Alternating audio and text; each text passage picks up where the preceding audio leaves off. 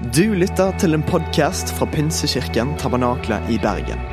Vi tror at kirken skal være en plass hvor mennesker trives gjennom alle livets faser. En kirke for hele livet. Ønsker du å bli bedre kjent med oss eller holde deg oppdatert? Besøk vår Facebook-side eller ptb.no. Her er ukens tale. Og så er det sånn at det er helt ny høst. Og da hadde vi lyst til å starte den høsten med å liksom sette litt sånn fokus. Og du vet at det er litt sånn med, med, med livet vårt, så sklir vi inn i litt sånn forskjellige spor. Eh, og, og, Hvis du er kristen og, og, er her, så er det sånn at kristenlivet har litt sånne forskjellige spor. Og så blir vi av og til litt sånn opptatt av de, det ene sporet, så sklir vi inn i det sporet så mye at det blir hele greien. Noen ganger er det sporet liksom en del av helheten, og noen ganger er det sporet rett og slett ikke noe. Det handler egentlig ikke om troen eller om det å være en kristen, men vi har bare sklidd inn i det. Og Der har vi lyst til å liksom sette et litt sånn nytt spor for oss alle sammen i en serie som vi eh, kaller Følg meg. Og Det har vi lyst til å bare liksom gjøre og invitere deg inn i det. Og fordi at Vi tror det er så utrolig mye å si om vi sammen som kirke sammen som fellesskap, går i det samme sporet i kristenlivet vårt. Det handler ikke om å være like eller gjøre akkurat det samme, men det handler om å ha et sånt felles spor. Og så tror vi dette sporet det definerer ikke jeg og ikke hun der Sandra som leder møtet. Hun snakker ikke sånn. Men kanskje noen av dere andre gjør det. Men det er det Jesus som, Jesus som definerer. Jeg prøvde ikke å etterligne noen. Nei, ikke. Jeg bare prøvde å etterligne noen. Det er det Jesus som definerer, eh, og han definerer det sånn som dette. Han sier til folk når han går fysisk rundt på jorden, så sier han denne setningen her. Kom og følg meg, så vil jeg gjøre dere til menneskefiskere.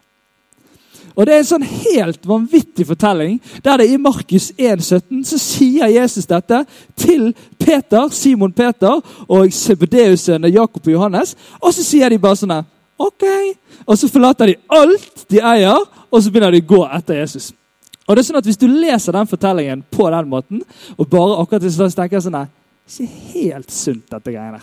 Det er ikke helt riktig. At De kan ikke bare liksom bare liksom, Jesus bare sier det, og så bare gir de opp alt, og så følger de han. Og Det tror jeg er noen som opplever litt med det å begynne å følge Jesus. At Det er en sånn greie som bare sånn der, plutselig så skjer det. Eh, men jeg tror det fins ganske mange fortellinger, og det viser denne fortellingen òg, som Lukas beskriver han liksom litt mer utfyllende enn Markus. At det kanskje fins en sånn prosess. Og Jeg har lyst til å liksom ta deg gjennom noen sånne steg i en sånn prosess av det å bli en som følger etter Jesus. En som følger han i livet sitt. Og Det er det sporet jeg har tro på og jeg har lyst til å lede oss sammen inn i som et fellesskap. Er du med på det? Vi skal altså ha tre søndager med denne serien. Vi skal i dag snakke om 'Kom, følg meg'.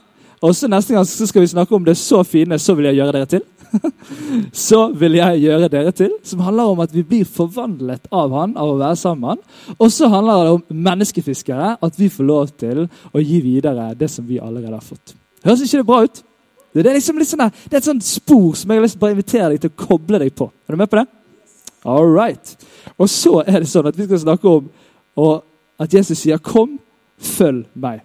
Og så har han sånn at Markus skriver han skriver veldig konsist.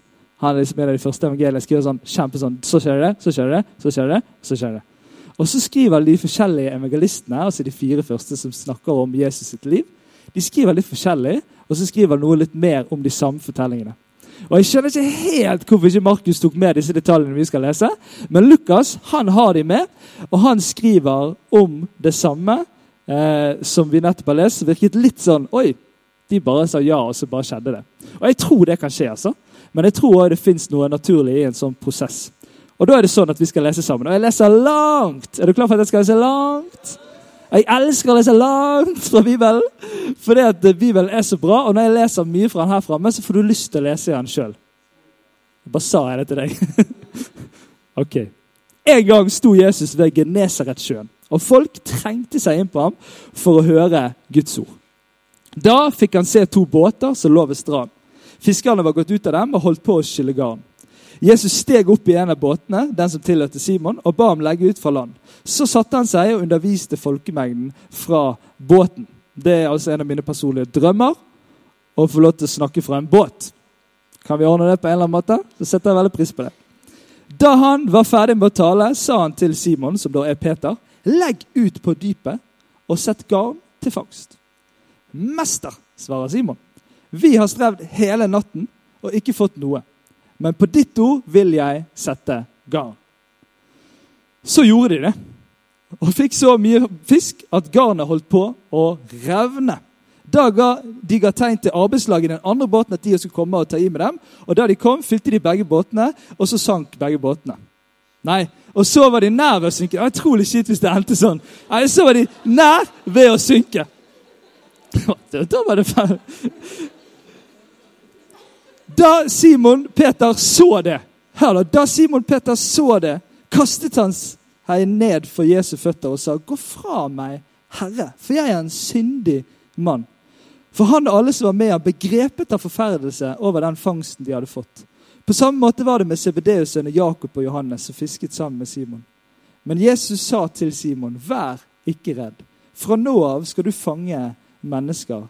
Så rodde de båtene i land og forlot alt og fulgte ham. Og Nå skal jeg legge denne teksten ut for dere. Jeg legger litt mer i den enn kanskje det som liksom er helt rettferdig, men jeg tror du kan stole på meg at dette er liksom innafor. Kan alle sammen si innafor? Ja, bra. Hør, da. Det er, begynner altså med at eh, Peter og fiskerne de står og rensker garnet. Og I det området de står og rensker garnet, så har nok Jesus vært allerede noen dager.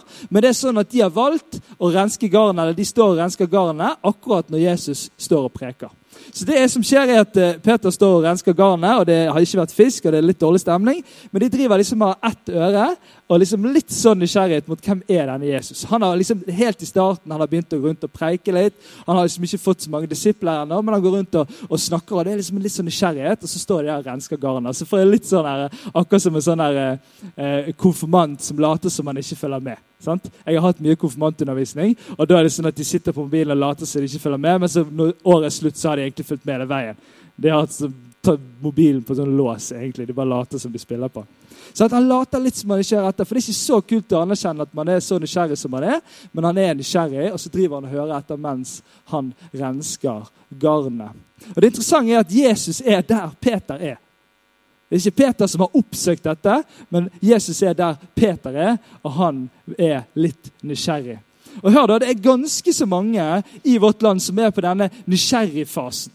Det er ganske mange mennesker. Jeg vil nesten si at det nesten er alle sammen. For det virker til, og Bibelen forteller oss om at det fins en sånn evighet på innsiden av alle mennesker som lengter etter. altså Evigheten er langt ned i mennesker fordi at man lengter etter Gud. Og Så kan det være litt sånn cocky å si. sant? Liksom, ja, alle vil egentlig bli med på dette. Men det er akkurat som hvis Gud har skapt mennesker, så har han lagt ned en sånn liten greie som gjør at ah, men jeg har egentlig lurer litt på dette. her. Og så er ikke det alltid denne nysgjerrigheten kommer ut i en sånn der, eh, en sånn å, Jeg lurer veldig på hva du mener om dette. og Hva er det dette med kristen tro? Av og til så kommer det fram i en sånn her, Hva tror du på de greiene egentlig? Hva mener du egentlig? Og det kan komme litt fram i forskjellige drakter, men det ligger en sånn grunnleggende nysgjerrighet i så mange mennesker. Og det jeg har lyst til å si til deg, at du har muligheten til å være der folk er, og de kommer til å se Jesus igjennom deg. Og det er sånn at De egentlig kanskje er litt nysgjerrige, kanskje litt mer nysgjerrige enn du tror. Bruk de mulighetene som kommer. Og så har jeg lyst til å si til deg som er her i dag, og som er i denne fasen av nysgjerrighet Jeg har lyst til å si til deg at Denne kirken er tidenes kirke å være nysgjerrig. Det er plass til så mye spørsmål. Vi har bare lyst til Taket er veldig høyt. Ikke se på fargen, men taket er veldig høyt. Og vi har bare lyst til at det skal være sånn takhøyde. Du skal få lov til å komme med dine spørsmål. Om du har vært kristen lenge eller ikke, skal du komme med dine spørsmål og meninger. Vi er ikke et sånt fellesskap som kniper i sammen og sier alle må være like. Vi ønsker å lede inn mot noe. Og så ønsker jeg si at det er plass til deg som er nysgjerrig. Fortsett å være nysgjerrig. Denne nysgjerrigheten til Peter fører han videre til steg to. og Han er egentlig litt sånn, eh, si, han, han, tar ikke noe initiativ engang. Han blir liksom bare, Det virker nesten som han blir beordret av Jesus til å ta båten ut, sånn at Jesus får lov til å preke fra båten hans. Men jeg er ganske sikker på at det egentlig var en sånn type dialog der Jesus sier sånn Hei, Petter, kan jeg få låne båten din? Det er det mal folkeskikk, liksom. Jeg tror Jesus gjorde det. Jeg vet ikke, men jeg tipper han gjorde det. Og så kunne Peter ha sagt sånn her Nei, du kan drite i. Eh, men, men, han velger ikke å gjøre det, fordi han har hørt et eller annet. Han er litt nysgjerrig og tenker ja, hva har han å si? Jeg kan jo ta denne båten ut. Og Det som er så nydelig, da, det er at dette steg to det handler om, om, om tid. Det at da plutselig sitter Peter han sitter på VIP-plass. Han sitter med årene. og Jesus står der og preker, liksom. For det som skjer er at Når han gir litt tid til det som han var nysgjerrig på, så er det sånn at det vi gir tid til, det forandrer oss. Derfor bør vi av og til tenke på hva vi gir tid til. Iallfall når vi fyller tiden oss med litt mye rart av og til. Men det, det å gi tid til, det forandrer oss. Og så plutselig sitter Peter der, og så får han høre på Jesus. Så blir han fylt mer og mer av det som Jesus har å si. Og så skjer det noe som er helt sykt, nemlig steg tre. Som da er et steg i tro. Der, der Du må forstå det. At når, Jesus sier til Peter 'gå ut og fisk', så svarer Peter så høflig han kan.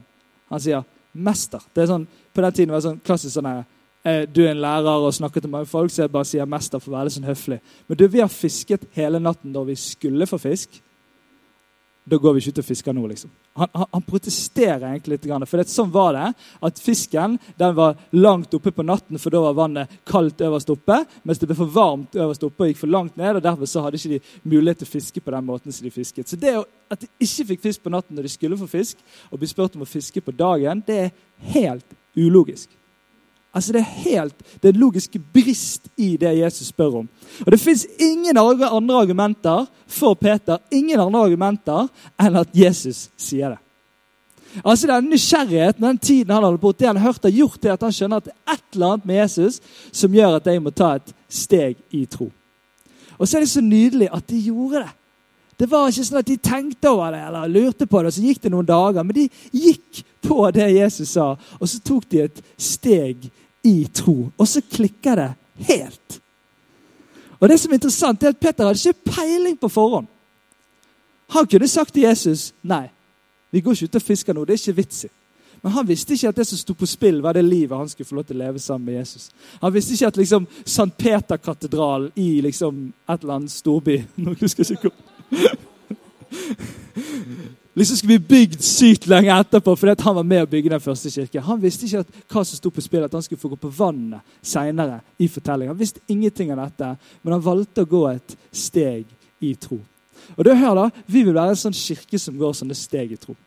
Vi ønsker å være en sånn kirke som selv om vi legger alle våre hoder til sammen og prøver å tenke gjennom ting best mulig, så lar vi oss alltid styre av hva vi klarer å regne oss opp og fram til. Om det gjelder økonomi eller om det gjelder hva vi kan få til. Vi tror det fins en større dimensjon, og derfor så vil vi ta sånne steg i tro. Og så vil vi alltid legge til rette for det største steget i tro hver eneste søndag. Og Det er når vi spør om noen vil bli en kristen. Og Det er et vanvittig steg i tro. Det går ikke an på forhånd før man blir en kristen å regne seg ut til hele regnestykket og vite hva man får. Man må hoppe noen del av stykket. Ja, det er masse man kan lese, det er masse man kan fylles med og forstå, men det fins et sånt steg i tro som du må hoppe i. Og så kan du få lov til å bli kjent med Jesus. Og Det steget vil vi alltid at skal være. Og vi drømmer om at sånne steg skal tas hver eneste søndag.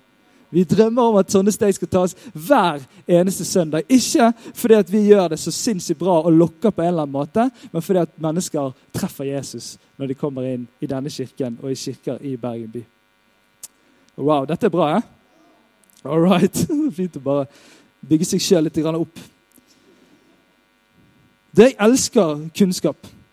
Jeg er ikke redd for det. Jeg har studert teologi, jeg er ikke redd for disse spørsmålene. Men jeg tror at av og til så blir vi, har vi litt for mye trygghet i at vi klarer oss regne oss fram til hva det skal bli. Og det er litt for mange mennesker jeg møter som sier men jeg har regnet ut at det, det å bli en kristen det er ikke noe for meg. Det hører mye å være sånne som trigger litt til et sånt steg i tro. Og så kan det sykeste skje. All right. Og så kommer dette steg fire. Og da er det det tar helt av. Og det er akkurat som historien får en litt sånn rar vending òg.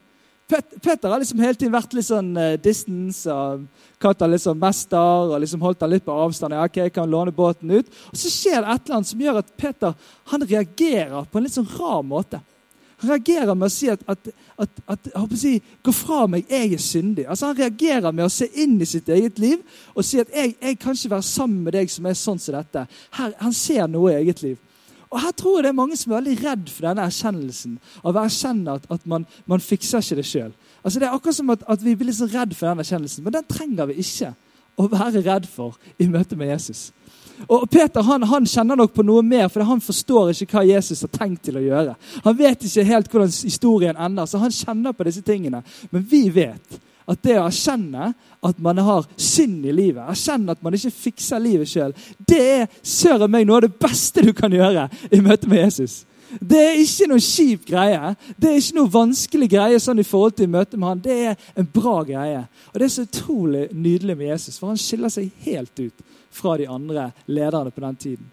Der du måtte fikse utrolig mye greier for å kunne være en som går sammen med Jesus, så er det sånn at Jesus han sier, 'Kom, kom, kom, følg meg'. Kom akkurat som du er. Kom akkurat der du er, Peter. Der du står og rensker garn og later som du ikke følger med. Kom og følg meg. Du skal få lov til å begynne der. Og så er det sånn at på den reisen så får man oppdage hvem Jesus er. Så begynner man å tro på han. Og når man begynner å tro på han, så får det konsekvenser for livet vårt.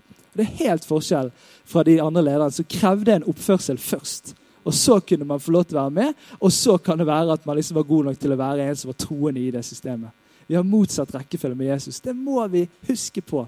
Vi må ikke lure oss inn i en tanke om at mennesker skal på en eller annen måte oppføre seg sånn og sånn for å være kristne.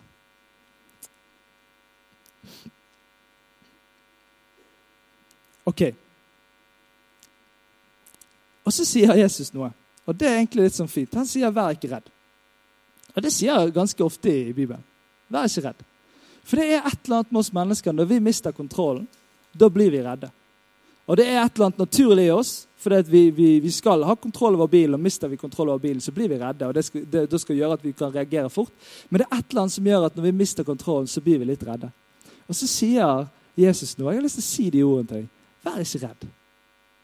Ikke vær redd for å miste kontrollen av og til. Alt handler om hvem du mister kontroll til. Men ikke vær så fryktelig opptatt av å ha full kontroll.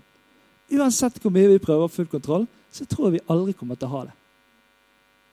Du kan få lov til å gi kontrollen til en som har kontroll. Og så sier Peter 'Herre'. Han sier ikke 'mester', men han sier 'Herre'. Han gir Jesus autoritet over livet, så sier han 'Du er herre i mitt liv'. Han kaller ham herre. Og så forlater de alt. Og så er jeg glad for å kunne si i dag at vi trenger ikke, når vi blir kjent med Jesus, å forlate alt det vi står i. Jesus han er annerledes nå. Han er tilgjengelig på en annen måte enn han gikk rundt på jorden. Som gjør at vi kan gå inn i det livet som vi allerede lever. Kan være han ønsker oss andre steder, men vi går inn i det vi allerede lever sammen med Jesus. Men det vi ser er at en ung, rik mann kommer til Jesus, og så sier han Hva kan jeg gjøre for å bli tidenes kristen? Hva kan jeg gjøre for å komme til himmelen? Jeg gjør alt riktig, liksom, sier han. Og så sier Jesus, for han kan se inn i livet på han på en overnaturlig måte, så sier han, gå hjem og selg alt du eier. Og Jesus han sier det nesten til ingen andre. Så det er ikke en sånn greie at alle som skal være kristen, må gå hjem og selge alt du eier. Men han ser inn i livet til denne unge, krist, eh, unge mannen, som da har fått en stor, stor kjærlighet til penger.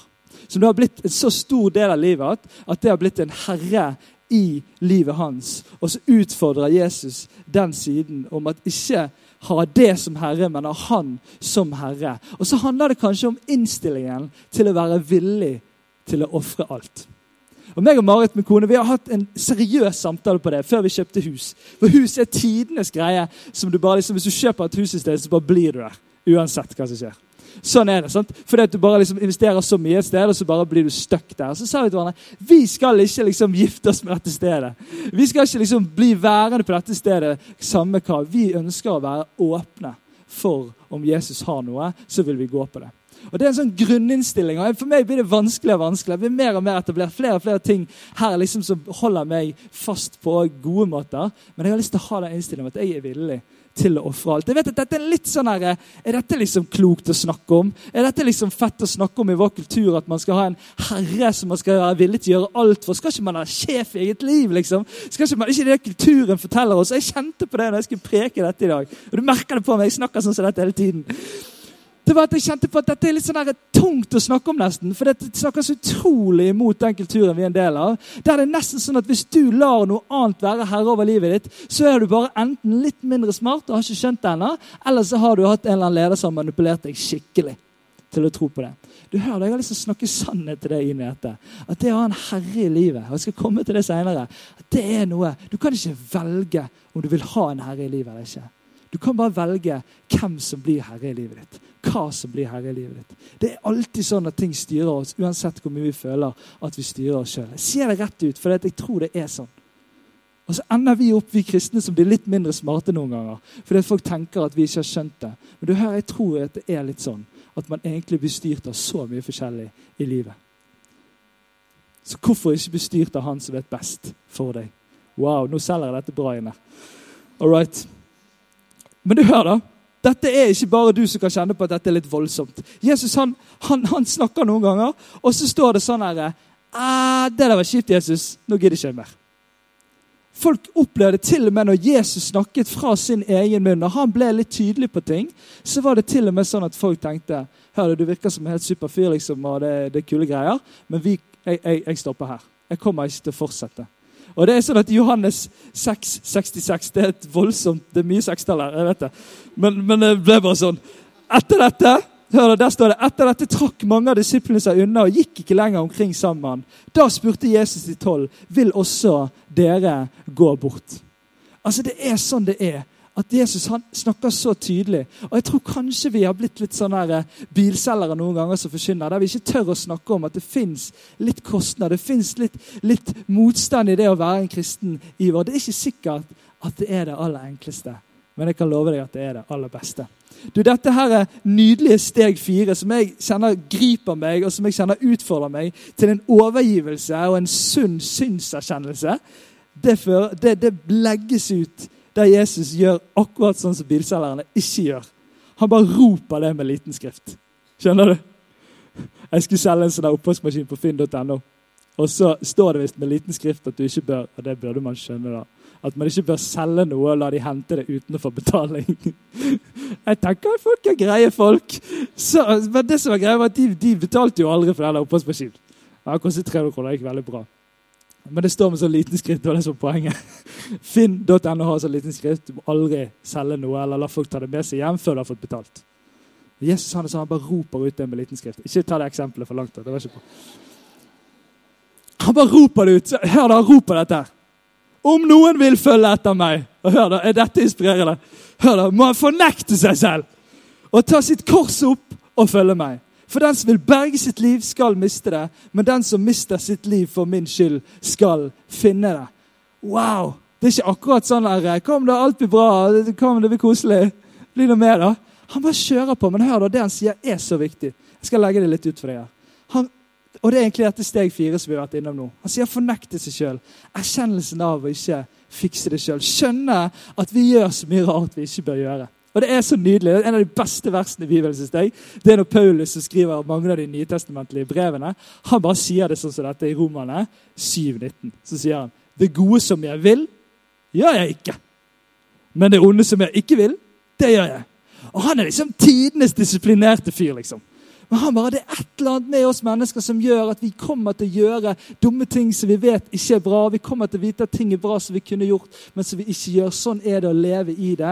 Og Derfor så kan vi aldri fikse greiene sjøl. Og det er en god erkjennelse å komme til som en som møter Jesus. Det er den beste.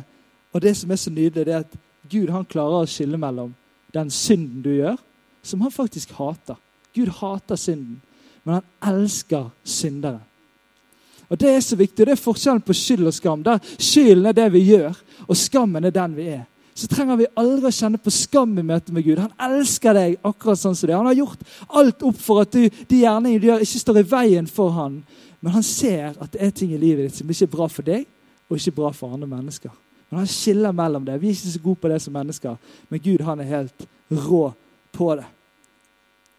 Hvorfor er vi så redd for denne synserkjennelsen? Denne erkjennelsen av vi ikke fikser det? Jeg har begynt å bli glad igjen. Jeg har nesten begynt å lure på om vi skal ha sånn der vi sier det sammen. For jeg bare tror det er så utrolig fint utgangspunkt utgangspunktet å forstå at det ikke er opp til meg. Det er ikke jeg som skal fikse noen greier. Det er han som skal få lov til å gi meg, og jeg skal få lov til å gå på det.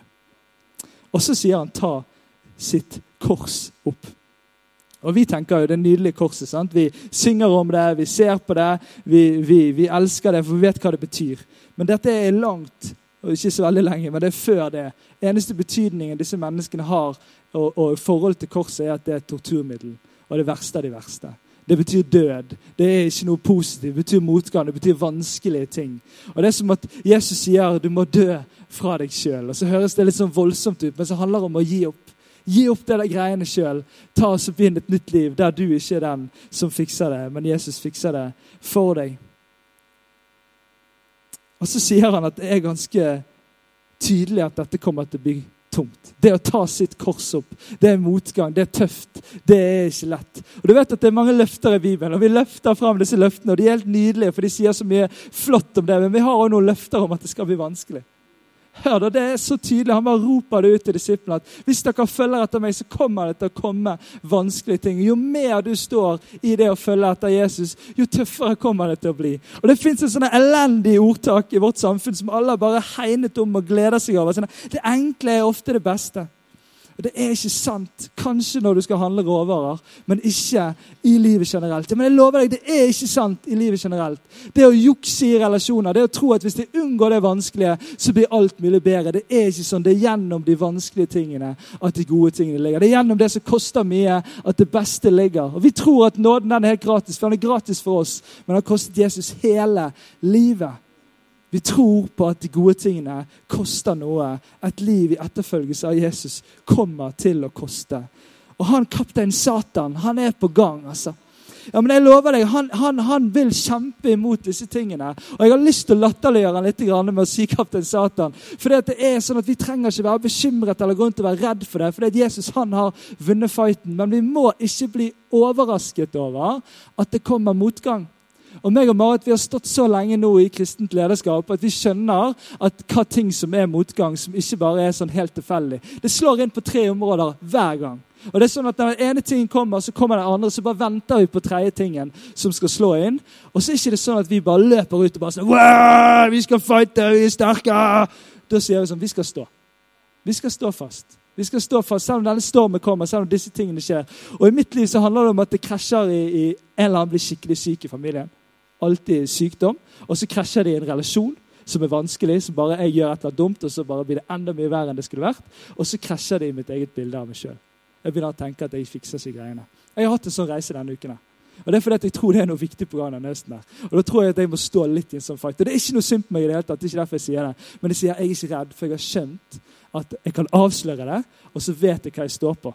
Ikke mine egne krefter, men de kreftene som er større enn alt annet i denne verden. All right, det var litt radikalt. Eh, du kan snakke med meg etterpå hvis det ble for mye. Ok. Og så sier han 'følg meg'. Ny sjef i livet. Og Message-oversettelsen sier det er så fint. Han sier sånn Ny sjef, altså ny, ny sjåfør i livet ditt en annen som skal styre bilen, en annen som skal ta valgene. En annen vilje over livet ditt. Og skjønner Vår vilje er ikke alltid det beste for oss. Og til og med Jesus kjenner på den spenningen når han sitter siste kvelden før han skal dø. Så ber han en sånn ærlig, menneskelig bønn. Jesus var 100% menneske, 100% Gud. Her får vi se en del av det mennesket Jesus som sier bare Gud, hvis jeg kan slippe dette som kommer de neste 24 timene, så la det gå forbi. Men så avslutter han bønnen med en overgivelsesbønn som sier, ikke min vilje, men din vilje. Ikke min vilje, men din vilje. Jeg drømmer om et sånt fellesskap som ber den bønnen sammen. Så sier det ikke min vilje, men din vilje. Noen ganger er min vilje hans vilje, men vi må forstå at ikke det alltid er sånn. Til og med Jesus møtte en spenning der i sin menneskelighet i møte med sin far.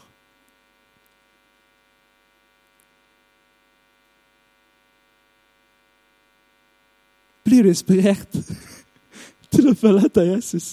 Det høres litt så voldsomt ut, dette her. Jeg tenker sånn, Nå har jeg bare dratt deg ned i bakken, og du bare sånn, jeg bare håper jeg kan krype etter Jesus etter dette.